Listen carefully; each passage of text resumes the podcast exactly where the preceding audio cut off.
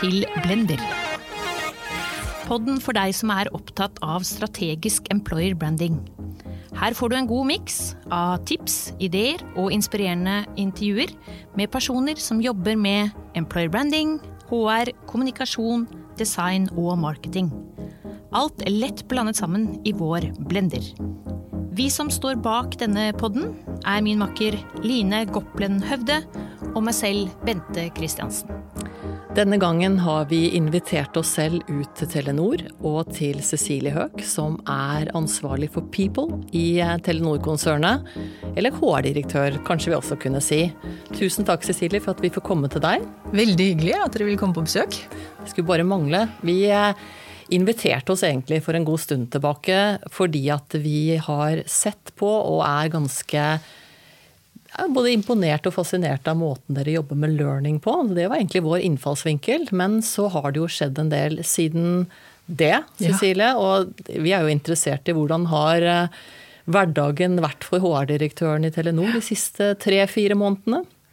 Ja, det har vært intenst. Samtidig så um, har de ansatte følt at under denne covid-19-perioden så har jo det å jobbe for et telekomselskap vært mer meningsfylt enn noen gang. For dere kan jo selv tenke dere hvor viktig den enkelte har følt at det å bidra til at nettverkene har vært oppe i de landene vi opererer, for at folk skal kunne jobbe hjemmefra, ha skole osv., ha kontakt med sin familie, sine venner, har vært viktigere og mer meningsfylt enn noen gang. Mm. Så det har vært en eh, veldig flott opplevelse sånn sett. Men det har vært mer intenst, og vi har lært veldig mye av denne perioden. Men vi greide da faktisk å få alle våre operasjoner, alt, til å fungere hjemmefra på veldig, veldig kort tid. Og hvis noen hadde spurt på forhånd, hadde jo ingen av oss trodd at det skulle være mulig. I land som Bangladesh, Myanmar, Norge, Sverige, Danmark, Finland osv. Mm. Det slo meg på vei hit at uh, dette har jo vært en, en krise, eller kanskje en lavintensiv krise, som har truffet alle landene dere er i, samtidig. Så det er jo på en måte en unntakstilstand i samtlige markeder. Ja, det, det var det. Og plutselig så stengte jo eh, butikkene hvor vi har eh, solgt våre tjenester og SIM-kort og de stengte. Eh, samfunnet stengte. De ansatte fikk ikke lov til å bevege seg ut i gatene. Sånn, og økonomien stengte jo, så våre kunder hadde jo mindre å rutte med. Så det var veldig mye som skjedde samtidig. Og så er det jo om å gjøre å passe på at de ansatte har det bra i denne perioden og at våre også leverandører greier å levere. Og at de som er ute og selger da eh, fysisk i, eh, i noen av landene i Asia, at de også kan operere på en trygg måte. I en situasjon som jo ingen visste hvor lenge ville, ville vare. Og vi har jo sett at mens vi nå åpner opp i Norden, så er det jo andre land som Pakistan og Bangladesh, hvor det jo De åpner opp, ja, men samtidig så er det også eh mer covid-spredning og større problemer enn eh, en tidligere. Hvilken eh, så det må jo være ekstra belastning på dere i HR. Altså det må jo bli mye som skal på en måte ikke fikses kanskje, men gjøres annerledes i HR-funksjonen. Hvordan har det vært i den perioden her? Da vi først fikk litt Det tok jo litt tid eh, før man får områdd seg. Mm. Men så går det jo Og så er det jo om å gjøre å prioritere. Mm. Men så hadde vi tverrfaglige team som, som jobbet med de viktigste tingene først. F.eks. når landene stenger ned, så må du tenke på de utestasjonerte. For man visste jo når de sa at eh, f.eks. flyplassen i, i, eh, Yangon eh, stenger neste uke, og da vet vi ikke når den åpner igjen. Da er det jo å tenke på hvem er det som er utestasjonerte, og må de da på neste fly ut av landet? Mm. Og hvem skal ut når, osv. Så, videre. så vi, det var jo en del ting som, som kom veldig høyt opp på agendaen. Mm. Og så var det jo å eh, være sikker på at vi hadde muligheten til at alle kunne jobbe hjemmefra. Og, at folk, eh, og så var det jo også et par steder hvor vi hadde hatt folk med, som hadde symptomer som hadde vært på kontoret eller de hadde fått det like etterpå. Mm. Og da måtte vi jo ta hensyn til det. Så det var forskjellige ting vi, som kom øverst på agendaen. Og så var det dette her med inkludering. Informere mm. har vært kjempeviktig mm. hele veien. At de ansatte hele tiden følte at vi var på toppen av agendaen og ga dem råd hele veien. Hvor mye av det har vært håndtert eh, fra globalt, eller fra, fra din side? Og hvor mye har vært, eh, vært opp til landansvarlig eller eh, lokale ledere? Vi var bevisste på at vi skulle ikke ta over. Mm. Landene skulle sette sine kriseteam. Ja. Og kjøre og ha autoritet til å ta beslutninger lokalt. Mm. Og så det, hadde vi en overbygning, en koordinering, for det som var relevant å ta på overordnet nivå. Men eh, vi var bevisste på at beslutningene skulle tas på, et, eh, på landnivå. Og at eh, vi skulle bidra landene, og også dele erfaringer. Mm. Jeg tenker at vi har jo lagt merke til at Sigve Brekke har vært ute og påannonsert at nå er det fritt fram til å jobbe der du vil, om du jobber i Telenor det er vel kanskje det første av de store norske virksomhetene som i hvert fall har gått ut og sagt det så tydelig? Ja. Var det en villet politikk liksom før alt dette hendte, eller er det blitt eh, påskyndet som et resultat av korona? Definitivt påskyndet som et resultat av koronaen. Mm. Og Sigve Brekke var nok litt redd for at vi ikke skulle ta den læringen vi har fått innover oss, men å gå tilbake til business as usual. Mm. Og vi var alle overrasket over hva vi faktisk fikk til fra hjemmekontoret. Og vi var overrasket over at eh, en del beslutninger ble tatt mye kjappere. At vi greide å inkludere de ansatte på en helt annen måte. Og det har vi ikke gjort når folk har jobbet fra hjemmekontor før. Da har de liksom vært på eh, det var noen som kalte det hjemmekontoret med GJ, mm. mens nå fikk vi jo hjemmekontoret med HJ. Så vi har lært mye. Mange har heller ikke blitt eh, det har ikke blitt sett på som helt stuerent å jobbe hjemmefra. Da var du liksom ikke en av de, de som leverte mest. Mm. Også sikkert fordi at det ofte var fordi det var knyttet til ting som ikke var jobbrelaterte. Du jobbet hjemmefra fordi du hadde syke barn, mm. eller skulle vente på rørleggeren eller snekkeren, eller skulle komme av gårde tidlig på hytta. Altså Den type ting var grunn for da å, å jobbe hjemme. Mm. Eller at du skulle konsentrere deg om noe, så da ble du ikke invitert med, inkludert med på møter, for da skulle du på en måte være helt i fred. Mm. Nå har vi jo hjemmekontoret fått en helt annen betydning. Og vi har sett at det har eh, fungert veldig bra. Og så En ting vi også har lært, er at Um, man ser egentlig lettere uh, hvem som bidrar og skaper verdi, og hvem som kanskje er et lag i organisasjonen som er litt mindre verdifullt. Så vi har jo faktisk uh, hoppet over lag i organisasjonen, mm. uh, basert på det vi har lært gjennom koronakrisen. Det syns jeg er kjempeinteressant, fordi at det blir ganske transparent på en annen måte. Og åpenbart, jeg tenker fra egen erfaring også, at man jobber jo enormt mye på hjemmekontor når man har mye å gjøre. Det går på en måte i ett, og så slipper du pendletiden. Du på en måte står på til, til alt er levert. Mm -hmm. Det tror jeg kanskje er en sånn utilsikta fordel, eh, på en ja, måte. Og så var det det at vi har jo ikke helt hoppet ut i det, i det ukjente her. Nei. Fordi at vi har et datterselskap i Finland som heter DNA. Med ca. 1500 ansatte. Og de har jobbet fleksibelt siden 2012. Mm. Så vi har åtte års erfaring med denne type jobbing. Og det de da gjør, som vi nå prøver å ta inn over oss og bruke høste av deres erfaringer, er jo det at noen dager i uken, det kan være én, det kan være tre, så sier man at da møter vi, vi alle på kontoret. Og så kan du velge hvor du vil jobbe resten av tiden. Helt ok om du vil jobbe bare fra kontoret fem dager i uka, men du kan velge. Og du trenger ikke å sjekke det med din linjeleder. Og da er det noen som vil si at eh, det viktigste for meg er å slippe morgenrushet i Bangkok.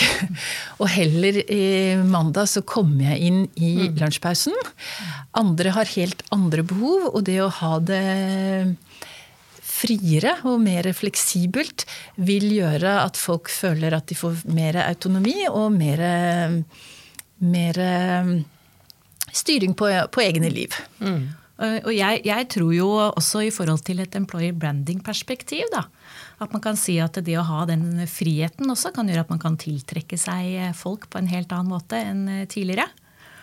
Og, og det med kompetanse og utvikling har jo også vært i lang tid noe folk ser etter når de er ute og bytter jobb, og også vært et stort fokusområde på innenfor employer branding.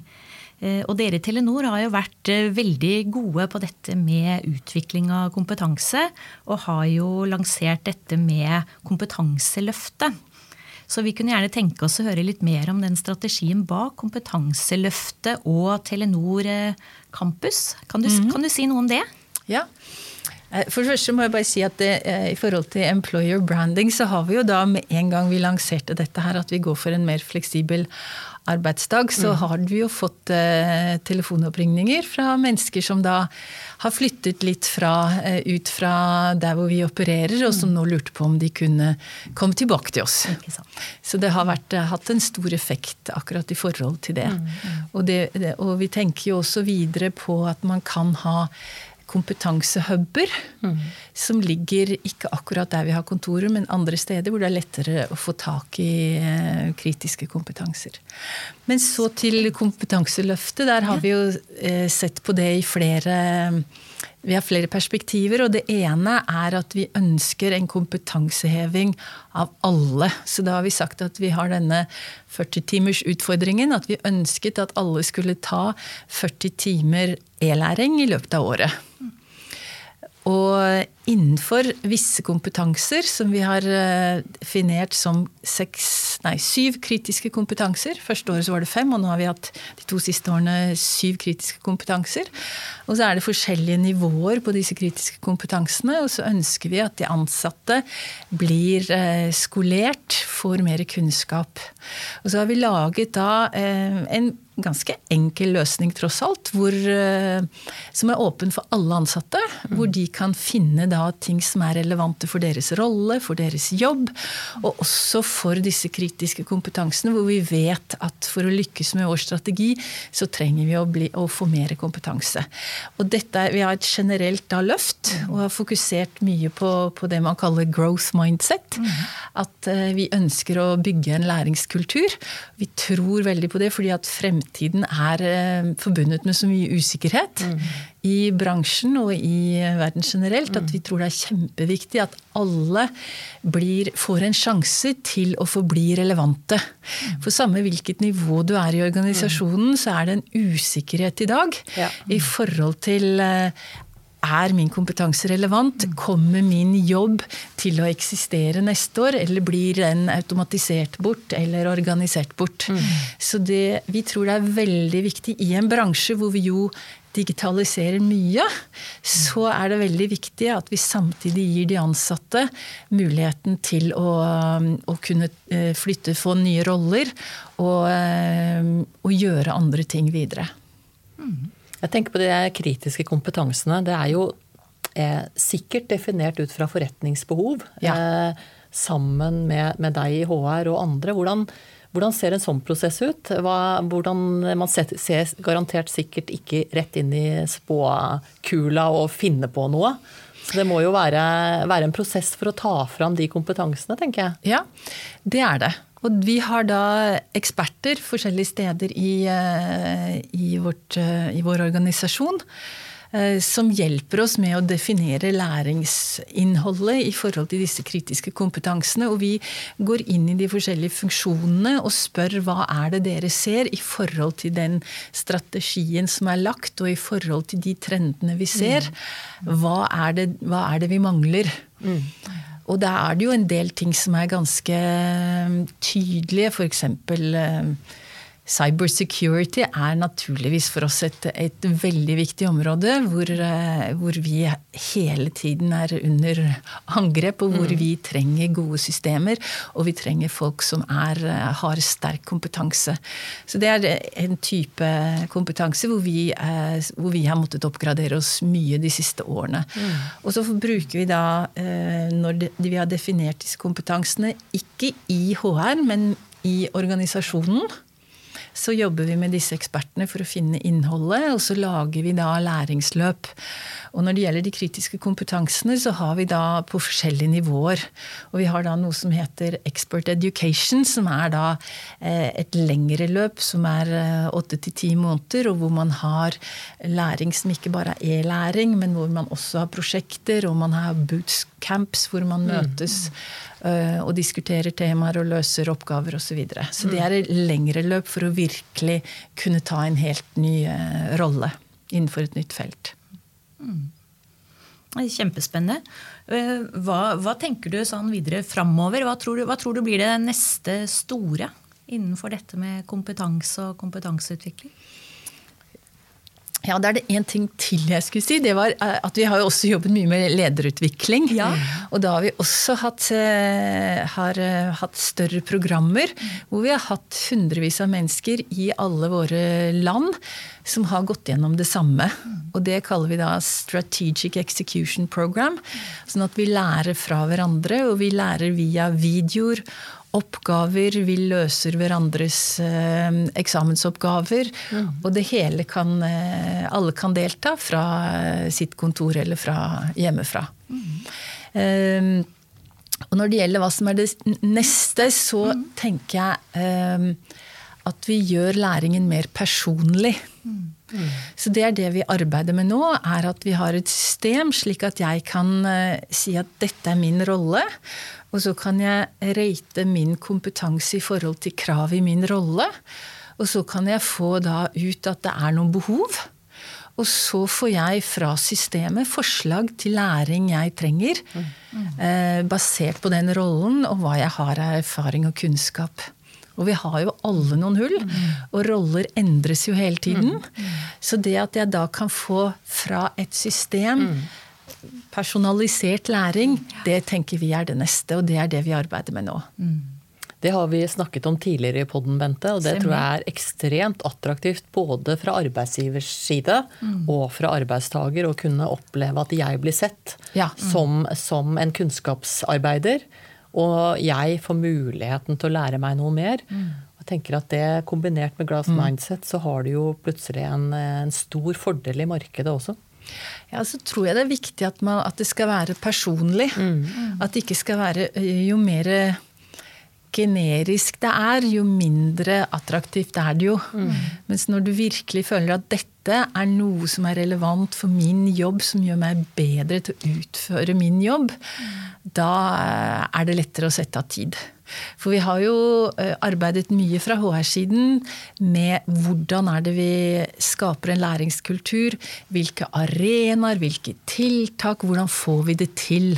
Og bare et sånn veldig enkelt eh, tiltak er at eh, her på Fornebu hver, og dette gjelder både de mer hovedkontorfunksjonene og også Telenor Norge torsdag fra to til tre så har vi learning hour. Mm. Så da kan ingen, og det er booket i alle kalendere, så da kan ingen uh, booke hverandre til møter. Det er tanken. Sånn at vi setter av tid eh, i hverandres kalendere, på en måte, sånn at vi kan få prioritert dette. Og da gjøre egentlig litt av hvert innenfor learning, innenfor den den timen velger du hvordan du vil bruke mm. selv, i forhold mm. til, men den er satt av til læring. Ja for at vi skal greie også å hjelpe hverandre til å prioritere læring. Mm. Og så snakker vi om det, og vi har rollemodeller, og vi har ja, superlearners, kaller vi de. Og det er eh, utrolig hvor mange som virkelig har kastet seg over læring og gått inn i nye felt og virkelig kunnet gjøre nye jobber og eh, ta nye roller. Mm. Kjempespennende. Jeg syns det var litt interessant her i våres når dere tilbød kurs også til oss som ikke jobber i Telenor. Eh, det fant jeg og tenkte jammen, dette skal jeg virkelig sette av tid. Det var en, en morgentime. Eh, og det var et verktøy, Miro, som jeg tenker at det burde jeg lært meg, og det kan jeg ikke. Og så deltok jeg på en sånn learning session med noen av deres uh, super educators, eller, eller, hva de heter, fasilitatorer. Tenkte jeg det fungerte jo utmerket. Og litt grann den, den, effekten du fikk av å ha en god fasilitator og bare ukjente mennesker på utsiden av firmaet, meg inklusive, som faktisk i løpet av tre kvarter klarte å lære noe. Ja. Og få med seg en, noe videre. Hva ligger bak en sånn type satsing? Var det nærmest et test? Nei, det, er en bevissthet om at man har en samfunnsrolle. Ja. Og i den perioden som har vært nå, mm. så har vi jo vært enda mer bevisst hvordan kan vi bidra positivt til samfunnet. Mm. Og vi har tenkt at vi har investert mye og har fått mye erfaring innenfor det med læring.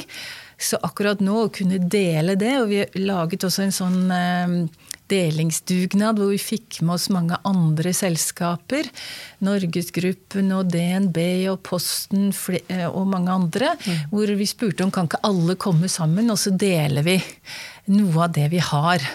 Som kan være relevant for, eh, for mange mennesker. Og det som enten er permitterte, eller som ser at de trenger noe nytt. Mm. Eller noe påfyll. Og noen har hatt ekstra tid i denne perioden mm. også. Så det å ta en, en samfunnsrolle der, på det området, det har vi ønsket å gjøre. Og det har vi også gjort mye i eh, naturligvis i asiatiske land. Hvor dette med utdannelse og da eh, e-læring er viktig. Mm. Og her har vi eh, mye å dele. Så derfor så, så tok vi den rollen. Passet utmerket. Ikke sant. Og jeg ser jo også at dere har vært veldig flinke med å ta samfunnsansvar på andre arenaer. Eh, jeg tenker på de som kanskje ikke kommer inn i arbeidslivet, som står utenfor arbeidslivet i dag. Som dere har inkludert i form av Telenor Open Mind. Vil du fortelle litt mer om hva Telenor Open Mind er, og hvordan de ja. jobber med arbeidsinkludering? Ja, så yeah. Telenor Open Mind er et uh, program i Telenor Norge som har vart i over 20 år, hvor man da får på en måte tilsendt eh, personer fra Nav-systemet som får arbeidsopplæring hos oss. Som ikke har uh, forskjellige årsaker. Det kan være alt fra det vi snakker om hull i CV-en, det kan være at de har hatt psykiske utfordringer, at de har syke, uh, fysiske utfordringer. De har i hvert fall falt utenfor. Eh, enten alltid eller i, lange perioder. Og, og, så kan vi gi dem noe som gjør at de kan komme i gang igjen. Og da gir vi dem arbeidstrening i et år, samtidig som de får tett oppfølging. Og så får de eh, Eh, utviklingsmuligheter i forhold til å skjønne hvordan et arbeidsliv fungerer. Skjønne spillereglene. Eh, de får prosjektledelse. De får eh, opp, oppgradert sin kunnskap når det gjelder IT-verktøy osv. osv. Og så får de da, blir de utplassert i enheter hos oss. Og det er veldig populært. Så det er mange som ønsker å ha disse eh, hos seg i, i, sine avdelinger. Og så er det noen som får jobb etterpå, men hovedpoenget er å stadig ha nye mennesker som kommer, og som da får en veldig god referanse og erfaring på sitt CV, som da kan brukes til å få andre jobber. Og i tillegg, for en del år siden, så tok vi også inn som en egen gruppe eh, mennesker fra ikke-vestlige land som sliter med å komme inn i norsk arbeidsliv. Mm. Så de har også eh, fått samme mulighet til arbeidstrening og få en veldig god referanse mm. på CV-en. Mm. Og liksom være, komme, eh, skjønne spillereglene også. Noen kan jo ikke helt De vet ikke hvordan det fungerer. Hvordan, hva, hva, er en fagforening? Hvordan, eh, hva betyr det? Mm. Hva er spillereglene i, på norske arbeidsplasser? Fordi de er jo ofte litt uskrevne. Vi tar det for gitt. Og, da, og det er jo folk med ekstremt høy kompetanse som kommer inn, og med en liten dytt og litt hjelp så kan de få seg permanente jobber i norsk næringsliv og bidra til samfunnet. Så det Ingrid Ime, som er ansvarlig for dette programmet i Telenor Norge, sier, det er at dette er en trippel vinn. Altså det er en eh, det er eh, et, vi vinner for individet, for arbeidsgiver og også for samfunnet ved å ha slike programmer. Mm. Så har vi det også i Sverige. Vi har et stort program i Pakistan. Og vi åpnet eh, et nytt program for første gang i Myanmars historie. Så åpnet vi også et Open Mind-program i januar i år. Og nå håper vi å, nå ser vi til Malaysia og håper at vi kan gjøre noe på slutten av året der. Så jeg håper jo at eh, noen av de som arbeider med det, hører meg nå. Mm. I hvert fall så er, har det vært eh, skapt veldig mange ringer i vannet og mm. mye positivitet. Og dette er også en gruppe og et initiativ som vi har holdt unna alle nedbemanninger og restruktureringer og ja. omstruktureringer, som det er konstant i vår bransje. Men dette har vi greid å holde, eh, holde separat, og det har vært veldig positivt for bedriften. Det bør jo også skape stolthet internt, tenker jeg. Både på tvers av ja, avdelinger her, men også på tvers av land og der dere opererer. Ja, mm. det gjør det. Og det, er, det har jo da vært, vart i over 20 år i Telenor Norge, et slikt program. Og det har gjort at veldig mange har fått uh, gode jobber ellers i næringslivet. Så det har jo skapt stor verdi. Mm. Mm. Det er helt fantastisk. Eh, dere har jo også, Når man snakker om mangfold, eh, så har dere jo også gjort noen initiativ overfor kvinner, vet jeg. Dere vant jo, eller lå jo på andreplass i skiindeksen nå tidligere i år. Eh, hva gjør dere for kvinnene? Er det noe spesielle Når det gjelder kvinner, så, så startet egentlig det arbeidet i 2014 i Telenor.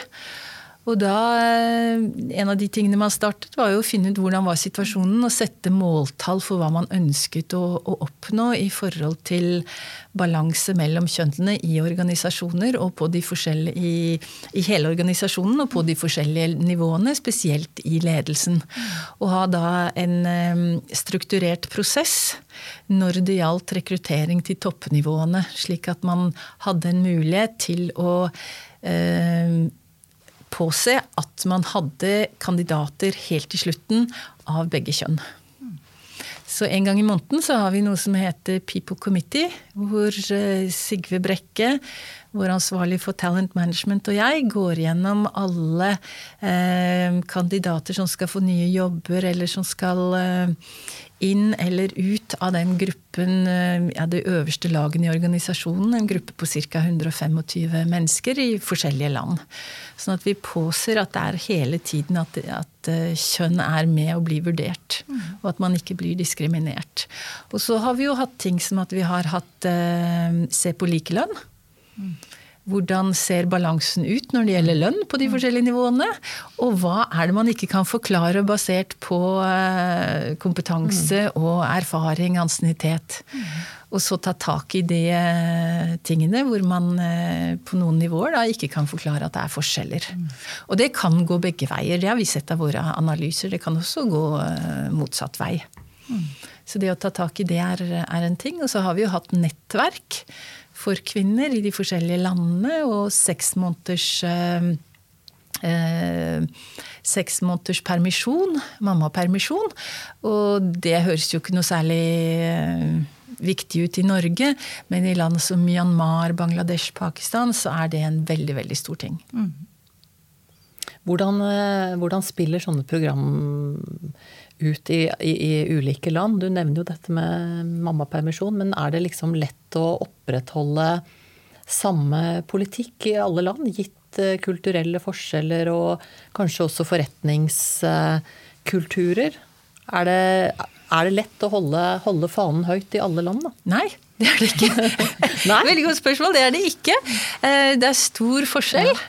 Eh, så det var jo en eh, kollega av meg i, i Bangladesh som sa at dere gir meg mye utviklingstiltak og satser mye på meg, mm. men dere må være klar over at jeg arbeider i en avdeling hvor jeg har flere kollegaer som ikke mener at kvinner bør komme ut i arbeidslivet.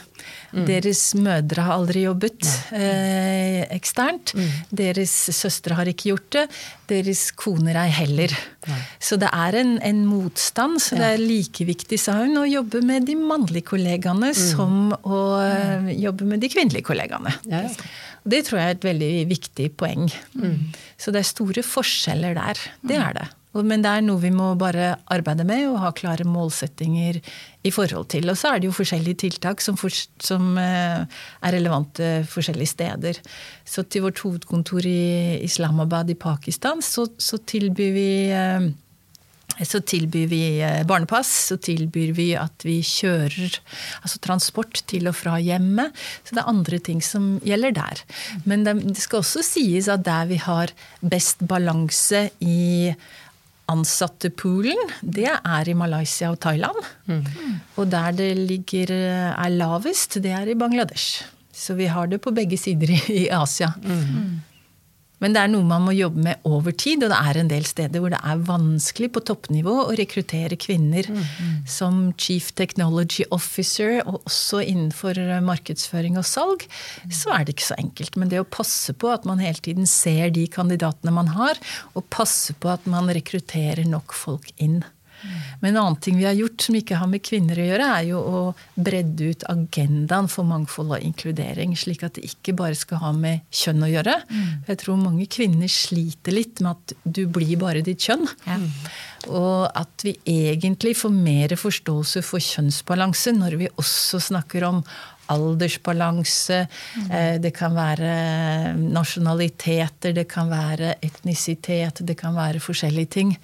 I morges så hadde vi en, en, gjennomgang akkurat også med dette her med mangfold og inkludering med vårt HR-team eh, i Myanmar. Mm. Og da hadde de fått blitt utfordret av sitt eh, lokale styre på Ser dere på etnisitet? Det er jo veldig mange forskjellige etniske grupper i Myanmar. Mm. Og eh, har dere oversikt over om dere rekrutterer bare fra noen få grupper, eller rekrutterer dere fra hele landet, også de gruppene som strever med å komme med å, modernisering, med uh, å ha nok kompetanse i de lokale samfunnene. Så det er noe vi skal se på i Myanmar. Absolutt. Men da har man jo altså Det du sier, er vel at det ikke alltid bedriftskultur trumfer landkultur, for å si det sånn. Men at uh, man fortsatt jobber med det. Liksom tilpasset den virkeligheten du møter der ute. Ja, og tilbake Jeg, bruker Myanmar, jeg har brukt det mye om. Det var akkurat siste land jeg var i før, jeg, før koronakrisen, ja. på besøk. Og da eh, Eh, da snakket vi også om at eh, f.eks. i IT i Myanmar så hadde, det, hadde, våre arbeidstakere blitt veldig attraktive. Og en del hadde forsvunnet fordi de hadde Nå var eh, internasjonal forsikringsindustri kommet inn i Myanmar, og de tenkte IT-folk og betalte veldig mye. Men de sa at IT-kvinnene vi har, de vurderte ikke å gå. Og det var pga. kulturen. Og fordi de ble hørt og respektert. Og at vi hadde denne mer globale politikken i bunn. Uh, og i forhold til respekt, hvordan den ansatte ble behandlet uavhengig av kjønn. Så sa de at uh, der kommer de ikke til å Det er ikke fordi de betaler litt mer at våre IT-kvinner kommer til å forlate Telenor. Så noen ganger kan dette, denne kulturen eh, være også en employer branding og mm. gjøre at vi greier å beholde viktige ja. ansatte. Livet som gjør at du blir igjen, ja. selv om du får litt mer penger et annet sted. Ja, ikke sant. Det er jo dit vi vil komme, eller, eller hur?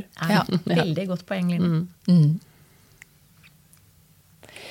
Ja, vi går kanskje inn for landing. Vi kunne ha snakket mye om eh, hvordan du opererer. Og nå er det jo kanskje ikke like mye å fly rundt som du har gjort eh, til vanlig, Cecilie? Absolutt ikke. Så det har vært veldig annerledes. Ja.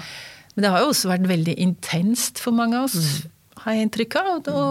For vi har jo bare snakket om de positive tingene, kanskje, men det har jo vært en intens hverdag for veldig mm. mange. Jeg tror eh, de fleste kollegaer er klare for eh, sommerferien nå. Mm. Det har vært eh, møter fra tidlig, tidlig om morgenen, og det har vært mer utvisking av hva som har vært jobb og privatliv. Mm. Så jeg tror, det tror jeg mange kan skrive under på. Absolutt. At man må rekke opp hånda for å få lov å ta den lunsjpausen man normalt sett ville gått i kantinen for å ta. Det gjelder å få i seg litt mat og drikke. Men vi eh, Snart er eh, tiden ute litt, og snart er det ferie. Og Bente, vi pleier jo å spørre om boktips, vi. Eller hur? Det gjør vi. Så jeg hadde med meg en bok som var eh, den første jeg leste i år. Og det var en bok av Daniel Coyle, skriver C-O-Y-L-E. Og den heter The Culture Code. The Secrets of Highly Successful Groups. Det er en paperback, eh, lett å lese og eh, kjempeinteressant. Og masse praktiske tips man kan få fra high performing teams i, eh, fra hele verden. I forskjellige bransjer. Så for den som har et lite team og snurrer rundt, Ja. og vil at de skal jobbe enda bedre sammen, så er det The Culture Code man skal lese Ja. i ferien. Den anbefaler jeg. Tusen takk for det, Cecilie. Og med Tusen det så takk. slutter vi for i dag. Ha det riktig bra. Ha det bra. Ha det.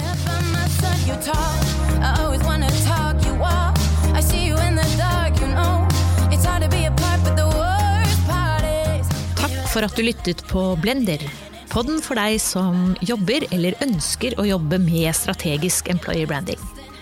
Enda mer inspirasjon, flere boktips og litt om hvordan du kan jobbe med å tiltrekke, engasjere og utvikle medarbeiderne dine, kan du finne på vår side blenderpodkast.no.